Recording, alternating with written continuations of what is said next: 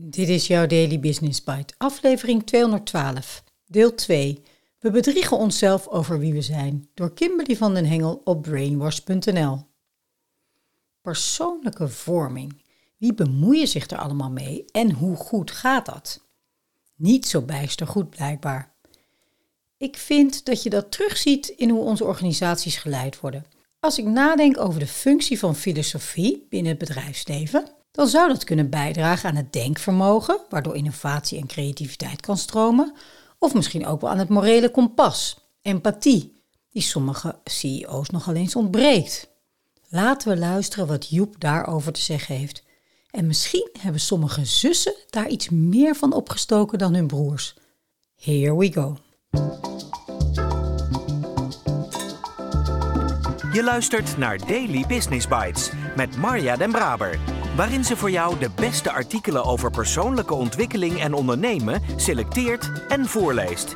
Elke dag in minder dan 10 minuten.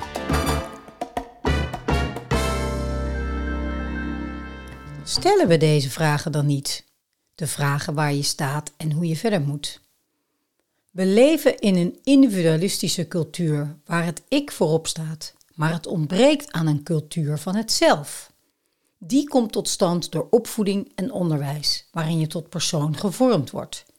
In de leefwereld van nu is de relatie met ouders geen gezagsrelatie meer, maar een onderhandelingshuishouding.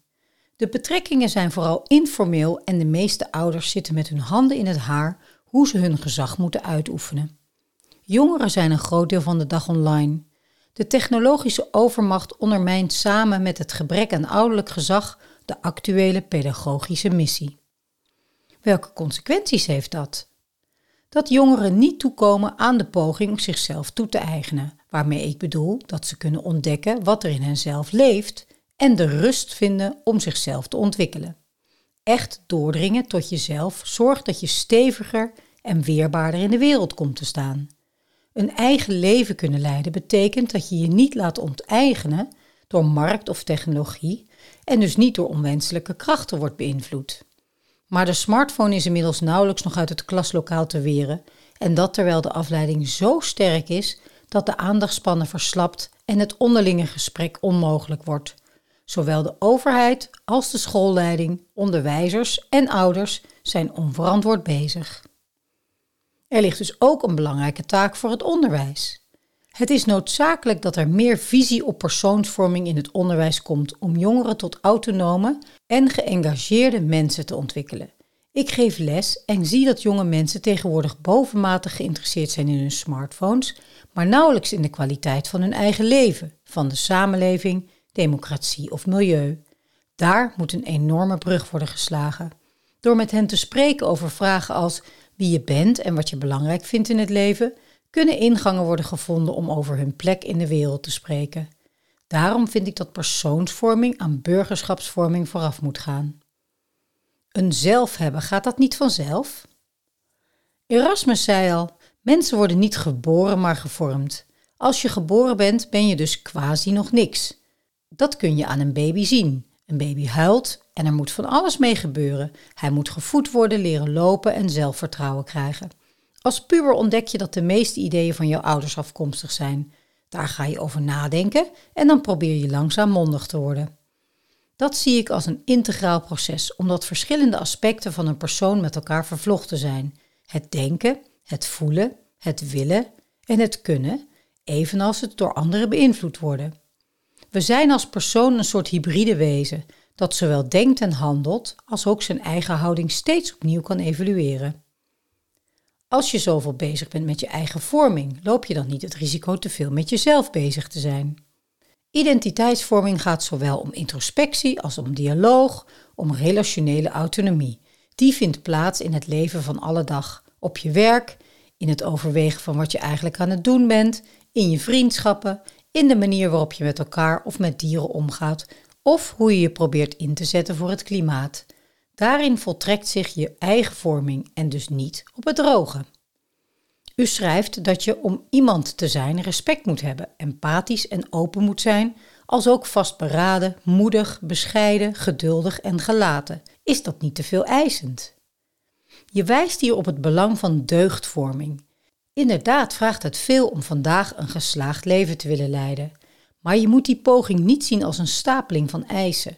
Persoonsvorming gaat over de innerlijke afstemming van je zelfbeeld, van wat je echt wilt en het oefenen in deugden die daarbij passen.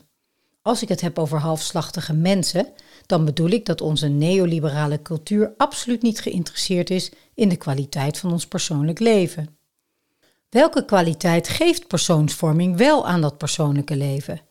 De waarde en de beloning van innerlijke vorming zit erin dat je je rol als mens veel beter kunt spelen.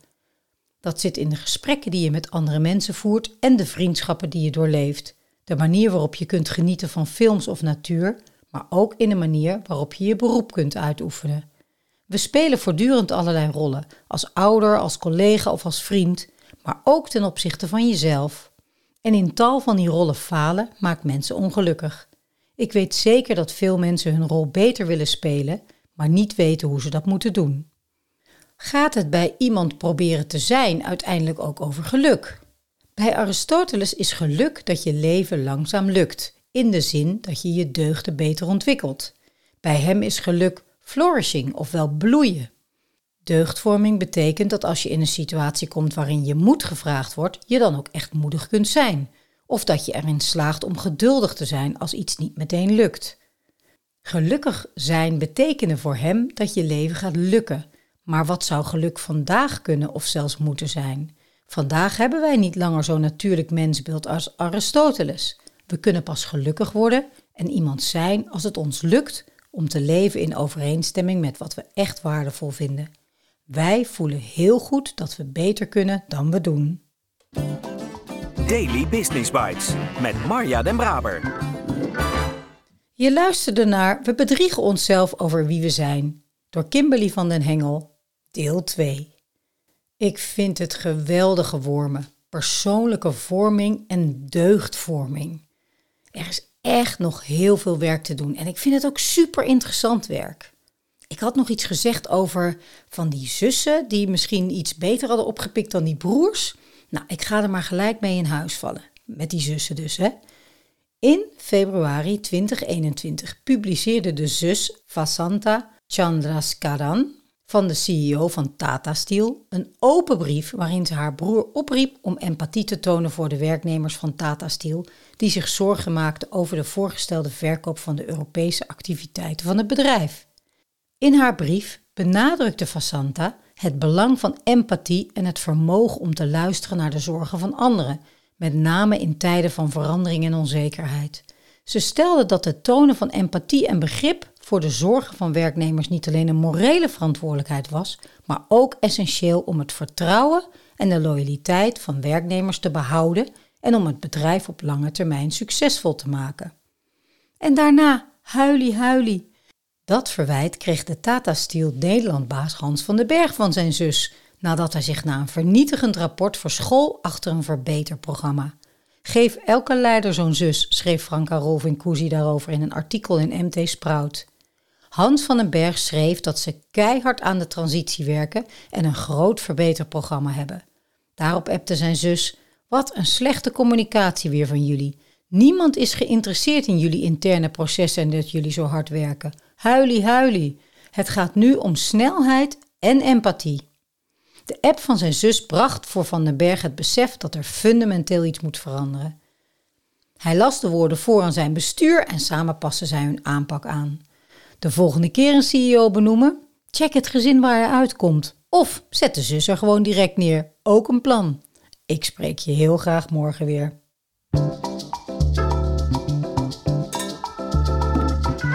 Dit was Daily Business Bites.